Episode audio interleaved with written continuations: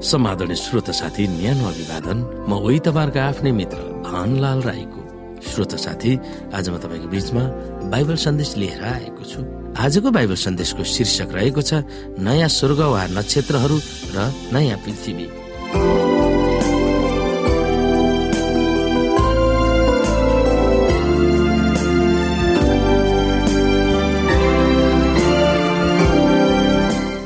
पौराणिक ग्रिकका दार्शनिकका दर्शनहरूमा कुनै थोक भौतिक छ भने त्यो खराब छ भनेर सिकाउँदछन्। त्यसकारण वास्तविक स्वर्गमा वास्तविक मानिसहरू भविष्यमा हुनेछन् भन्ने सोच पनि तिनीहरूको निम्ति अमान्य थियो। यदि स्वर्ग असल छ भने त्यो केवल आत्मिक अवधारणा मात्र हो।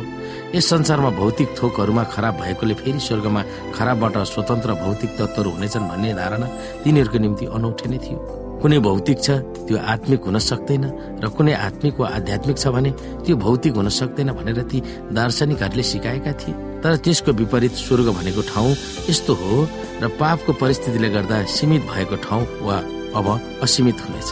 हामी विभिन्न बाइबलका पदहरू हेर्न सक्छौ श्रोता। यहाँनिर हामी हेर्न सक्छौ यसै यहाँ पैँसठी अध्यायलाई। यहाँ सत्र पददेखि हामी हेरौँ। हेर म नयाँ आकाश र नयाँ पृथ्वी सृष्टि गर्नेछु। अघि अघिका कुराहरूको सम्झना हुने छैन। न त ती मनमा नै आउनेछन् तर मैले सृष्टि गर्ने कुरामा सदा सर्वदा आनन्द गर र हर्ष मनाऊ। किनकि म एरुसलेमलाई हर्षदायक र त्यसका मानिसहरूलाई आनन्ददायक तुल्याउनेछु।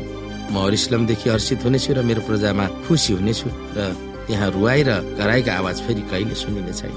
थोरै दिनसम्म बाँच्ने बालक वा आफ्नो पुरा उमेरसम्म नबाँच्ने वृद्ध मानिस त्यहाँ कहिले हुने छैन। सय वर्षसम्म बाँचेर मर्ने चाहिँ जमान मानिनेछ र सय वर्षसम्म नबाँच्ने चाहिँ सापित मानिनेछ तिनीहरूले घर बनाएर दिनमा बास गर्नेछन्। तिनीहरूले दागबारी लगाएर तिनका फल खानेछन्। तिनीहरूले घरहरू बनाएर तिनमा अरूहरू बस्ने र तिनीहरूले रोपेर अरूहरूले खाने कहिले हुने छैन। किनकि रुखको आयु जस्तै मेरा प्रजाका आयु हुनेछ र मेरा छानिएकाहरूले आफ्ना हातले गरेका काम धेरै दिनसम्मै भोग गर्नेछन्। तिनीहरूले व्यर्थमा परिश्रम गर्ने छैनन् अथवा विपत्तिको निम्ति बालकहरू जन्माउने छैनन् किनकि तिनीहरू तिनीहरूका वंश समेत परमप्रभुका आशिष पाएका प्रजा हुनेछन् तिनीहरूले बिन्ती गर्न अघि नै म जवाफ दिनेछु। तिनीहरूले बोल्दा बोल्दै तिनीहरूका कुरा म सुन्नेछु। बुवासो र थुमा एउटै ठाउँमा एकसाथ खानेछन् र सिंहले चाहिँ गोरुले चाहिँ पराल खानेछन् तर सर्पको आहारा धुलो हुनेछ। मेरो सारा पवित्र पर्वतमा तिनीहरूले न त नोक्सानी गर्नेछन् न त नष्ट नै गर्नेछन्। परमप्रभु भन्नुहुन्छ श्रोत साथी हामी यसै गरी यसै छैसठी अध्यायलाई पनि हेरौँ। बाइसदेखि जसरी नयाँ आकाश र नयाँ पृथ्वी जो म बनाउनेछु ती मेरै सामुन्ने रहिरहनेछन् परमप्रभु भन्नुहुन्छ। त्यसरी नै तिमीहरूको नाउँ र तिमीहरूका सन्तान रहिरहनेछन्। एक औँसीदेखि अर्को औँसी र एक साबतदेखि अर्को साबतसम्म सबै मानिस जाति आएर मेरो सामुन्ने निहुरिनेछन् परमप्रभु भन्नुहुन्छ। तर परमप्रभुको दिन त चोर जस्तै गरी झट्टी आउनेछन् जसमा आकाश चाहिँ ठुलो आवाजका साथ बिति जानेछन् तत्त्वहरू आगोको रापले पग्लिनेछन् र पृथ्वीमा भएका सबै थोकहरू भस्म हुनेछन् यी सबै कुराहरू यसरी पग्लन्छन् भन्ने जानेर पवित्रता र भक्तिको जीवनमा तिमीहरू कस्ता किसिमका मानिस हुनुपर्छ। तिमीहरू परमेश्वरको दिन प्रतीक्षा गर्दछौ र त्यस दिनलाई नजिक ल्याउन चाहन्छौ।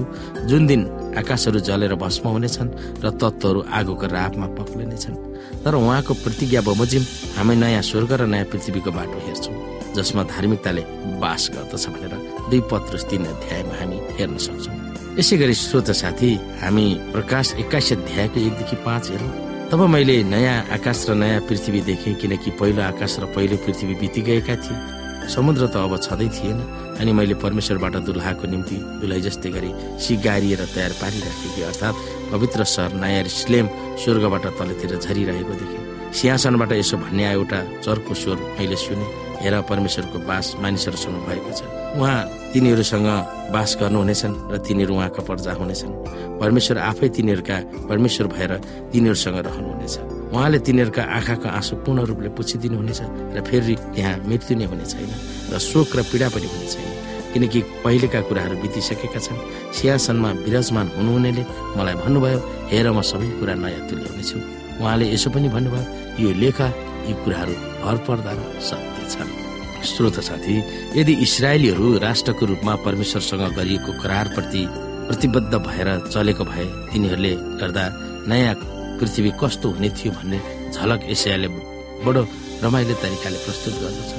यदि इजरायलीहरू राष्ट्रको रूपमा परमेश्वरसँग गरिएको करारप्रति प्रतिबद्ध भएर चलेको भए तिनीहरूले गर्दा पृथ्वी कस्तो हुने थियो भन्ने झलक एसियाले बढ्यो रमाइलो तरिकाले प्रस्तुत गर्दछ।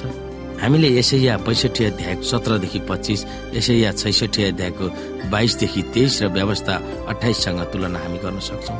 सम्पूर्ण वातावरण र पर्यावरणलाई विभिन्न तरिकाले व्यक्त गर्दा त्यस ठाउँ गुणस्तरमा बढ्दै परमेश्वरको सुरुको योजना अनुसार निर्मित हुने थियो जुन पापको प्रवेशभन्दा अघिको थियो। तर इजरायलीहरूले गरेको विश्वासघातको कारणले परमेश्वरले अपेक्षा गर्नुभएको योजना अनुसार कार्यान्वयन भएको थिएन। अब नयाँ योजनाको स्थापना भएको थियो। त्यो योजना चर्चहरूद्वारा पूरा गर्न अपेक्षा गरिएको चर्च सबै राष्ट्रका यहुदी र अयहुदी वा अन्य जातिहरूको थलो श्रोत साथी मुक्ति पाएकाहरूले पाउने सम्पत्ति वा स्थानलाई देश भनेर बाइबलमा तोकिएको छ।